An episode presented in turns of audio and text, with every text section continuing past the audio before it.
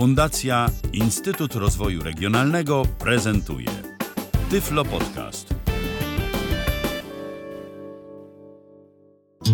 Tylko tobie chcę powiedzieć to, to co czuję dziś, kiedy przychodzi noc. Tylko tobie, tylko tobie dam białą różę i wszystko to, co mam.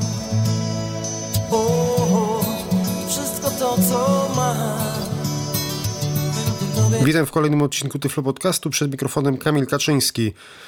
Zaczęliśmy tak, można powiedzieć, bardzo nastrojowo od dosyć starej piosenki zespołu Zio z 1992 roku. Piosenka zatytułowana Magiczne Słowa, pochodząca z płyty Tetris, ale niestety utwór nie jest na licencji Creative Commons, więc bardziej kusić losu nie będę.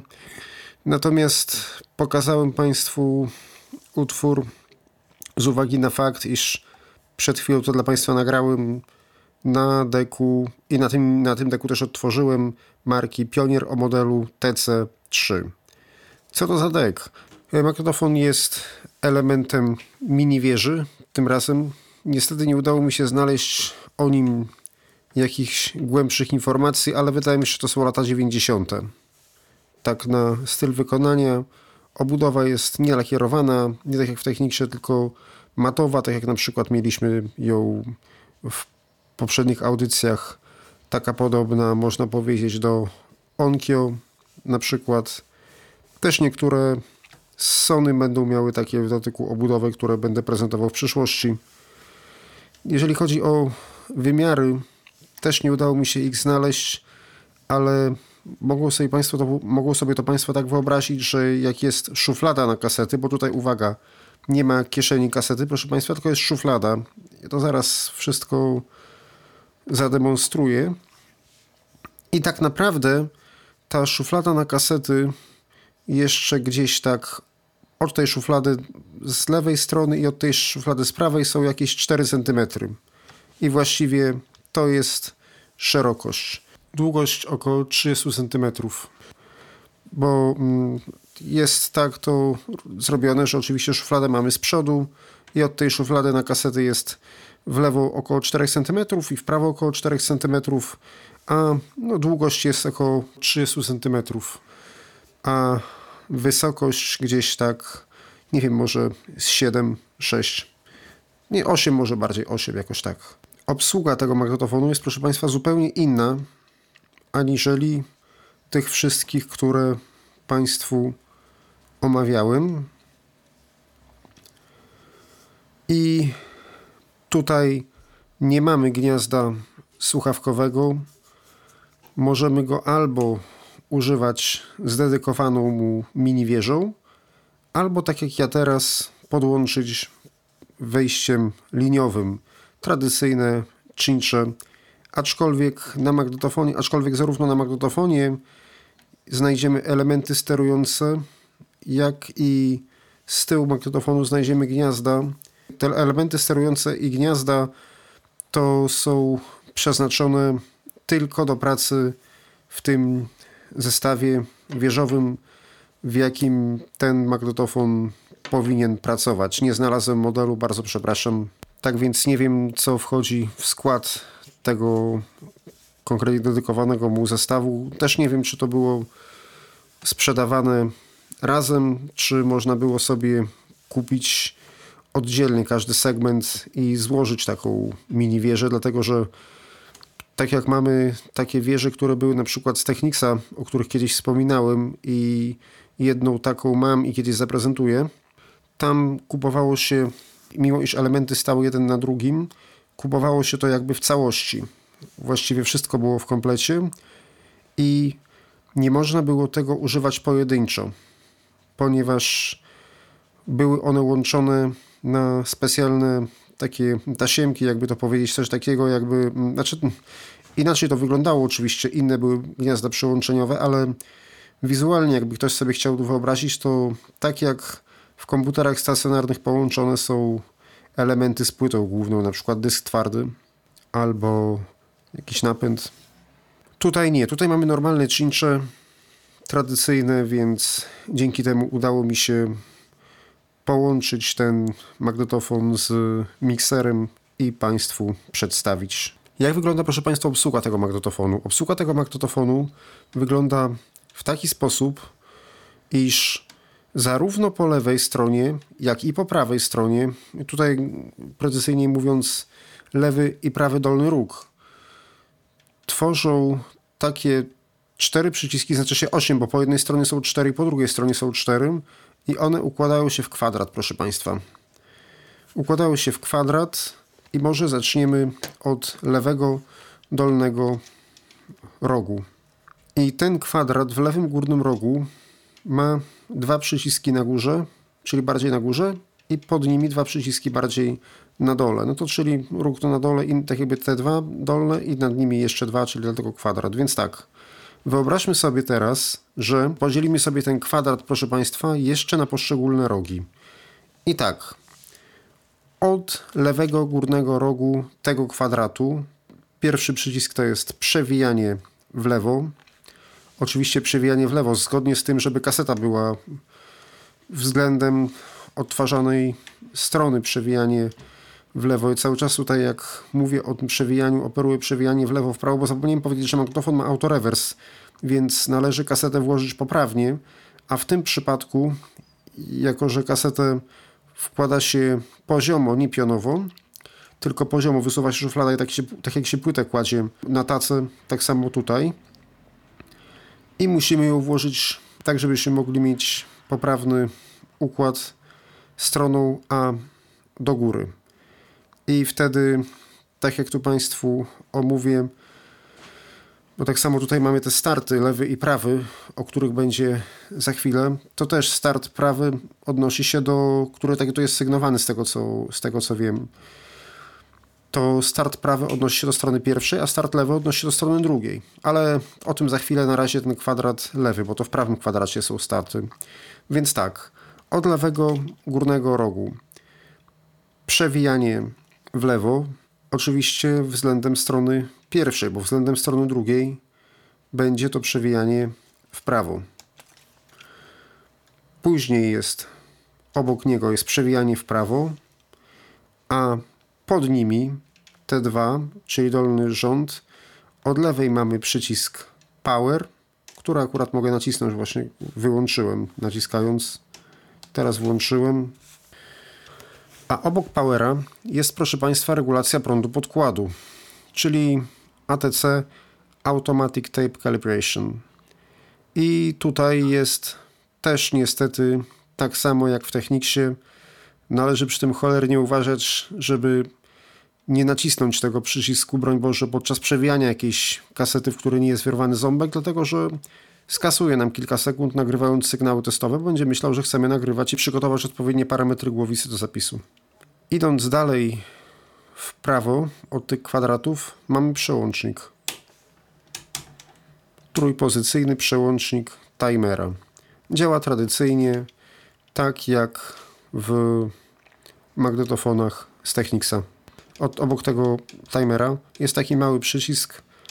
Teraz nic się tam nie stanie, bo jest wyłączona. Właściwie włączę power, kaseta jest robocza, więc nawet jeżeli się coś skasuje, to nic się strasznego nie stanie. Nie, nie działa ten przycisk. Ten przycisk nie będzie działał. Jest to nagrywanie z odtwarzacza CD synchroniczne. Najprawdopodobniej w konfiguracji z całą wieżą działa to tak, że wystarczy nacisnąć tylko ten przycisk i przegra nam się cała płyta CD.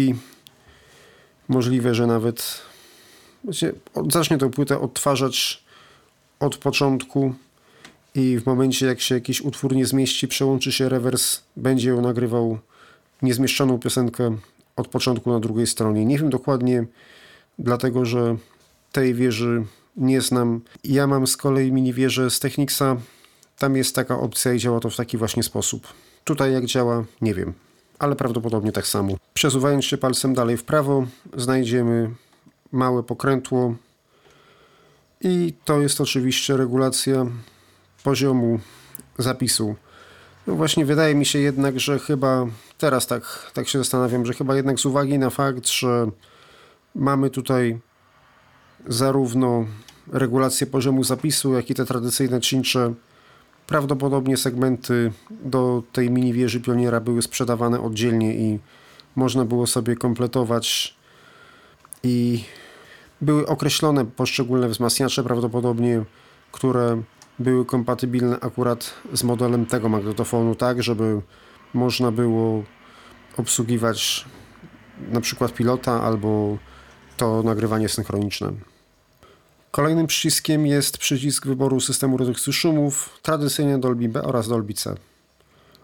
Obok jest taki sam jeszcze jeden przycisk służący do ustawienia pozycji autorewersu. Niestety autorewers, proszę Państwa, pracuje w tym magnetofonie tylko dwojako.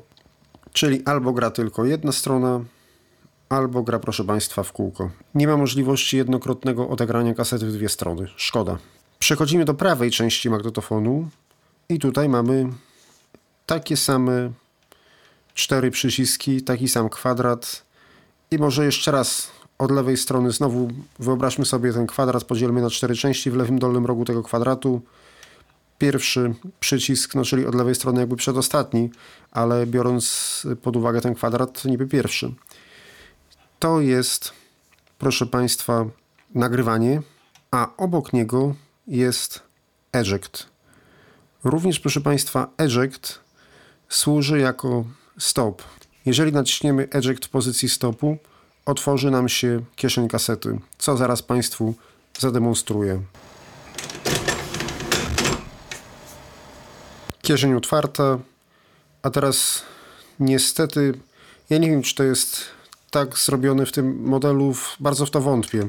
Moim zdaniem mam tutaj uszkodzoną szufladę, dlatego że jak nacisnę eject z powrotem, szuflada tylko drga, ale się nie chowa. Tylko gdzieś przesuwa się jakieś kilka milimetrów, o nawet, albo nawet nie zawsze. Raz się przesuwa, a raz nie i niestety trzeba ją ręką zamknąć, docisnąć delikatnie. I proszę Państwa, nad tymi przyciskami jeszcze mamy po lewej start do strony drugiej, a po prawej start do strony pierwszej. I teraz proszę Państwa włączę na chwilę stronę pierwszą, czyli ten start, który jest właściwie patrząc od lewej strony ostatnim startem, a patrząc od tego kwadratu bardziej w prawo. Stop. Stop wcisnąłem, proszę Państwa, tym samym co eject i naciskam start po lewej stronie. Druga strona, stop. Tu jeszcze po prawej stronie przy szufladzie, proszę Państwa, znajdziemy dwa przyciski, jeden pod drugim.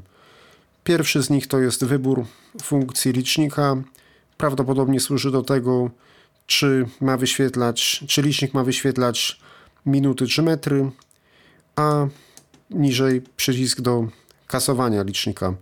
Tutaj jeszcze tak powiem taką ciekawostkę, jak ta szuflada wygląda, proszę Państwa. To jest taki jakby prostokątny plastik. Prostokątna jest obudowa, bo to nie jest tak, że ta szuflada się wysuwa cała, tak jak na przykład w odtwarzaczach CD, najbardziej popularnych, czy, wszelki, czy wszelkiego rodzaju CD-ROMach, tylko właśnie jest tak, jak w niektórych komputerach stacjonarnych kiedyś było, że był napęd CD, ale jeszcze, żeby ładnie wyglądało, był on przykryty takim plastikiem i ten plastik stanowił element jednostki centralnej i był na takiej sprężynie, kiedy się szuflada otwierała, ten plastik się odchylał i można powiedzieć, że szuflada otwierając wypychała ten plastik do dołu. Odchylała go pod kątem. Otwieram, proszę Państwa, jeszcze raz. I teraz ten plastik, który był przy obudowie, on się jakby otworzył i znajduje się pod szufladą. Zamknąć niestety muszę ręcznie. Teraz wyłączę. Powiem jeszcze szybko, co mamy z tyłu. Z tyłu magnetofonu z lewej strony jest przylutowany na stałe kabel zasilający, a obok jest gniazdo, zwykłe gniazdo 220V widocznie służące do tego, że podłączało się tutaj dodatkowy element po to, żeby, żeby sobie gniazdek elektrycznych w domu nie zajmować przy podłączaniu tej wieży, a także możliwe, że to chodziło właśnie o to, że ten odtwarzacz CD się podłączało i wtedy raz, żeby sobie nie, nie zajmować gniazdek, a dwa, że w momencie wyłączenia powera w magnetofonie wyłączał się również prąd z tego właśnie, proszę Państwa, odtwarzacza.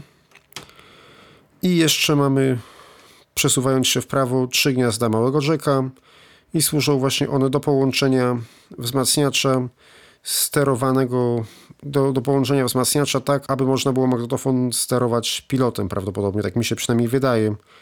To są jedne dwa i jeszcze jeden jest, jeszcze jedno gniazdo małego jacka służy do połączenia z odtwarzaczem CD, tak żeby działała synchronizacja zapisu.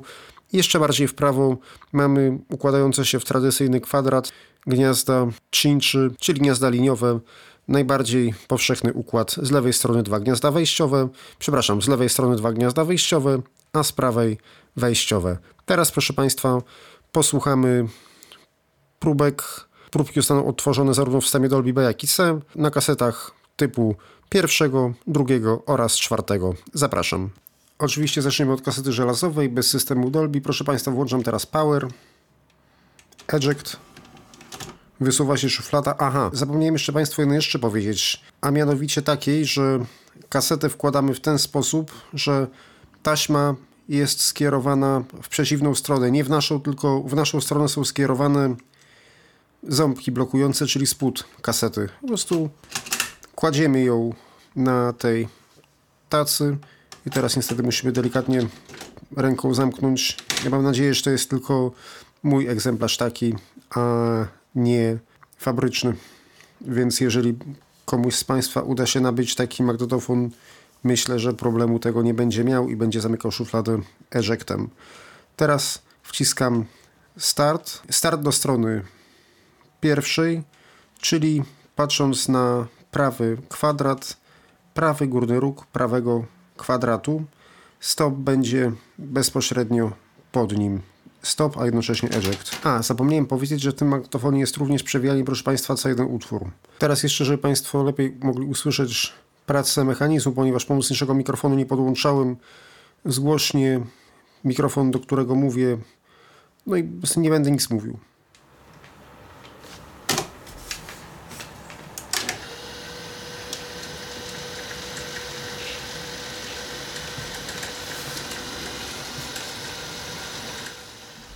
Teraz, proszę Państwa, przewija i za chwilę się wyłączy. Jeszcze nie tak za chwilę, ale zaraz.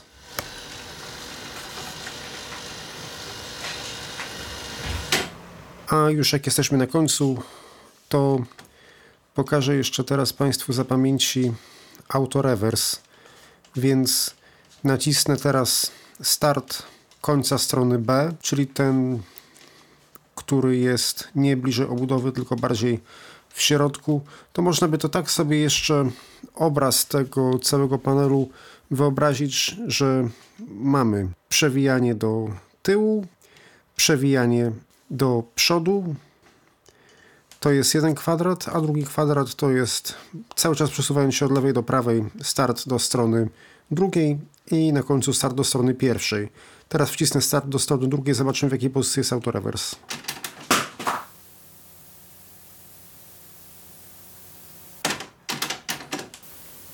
Stop był ustawiony na odtwarzanie na okrągło.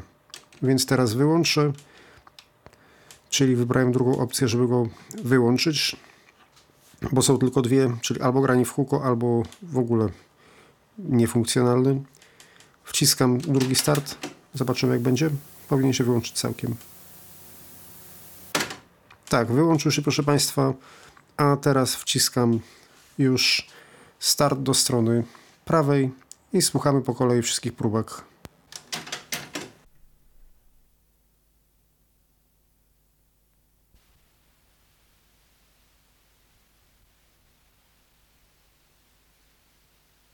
Kaseta żelazowa typu 1, nagranie bez systemu Dolby.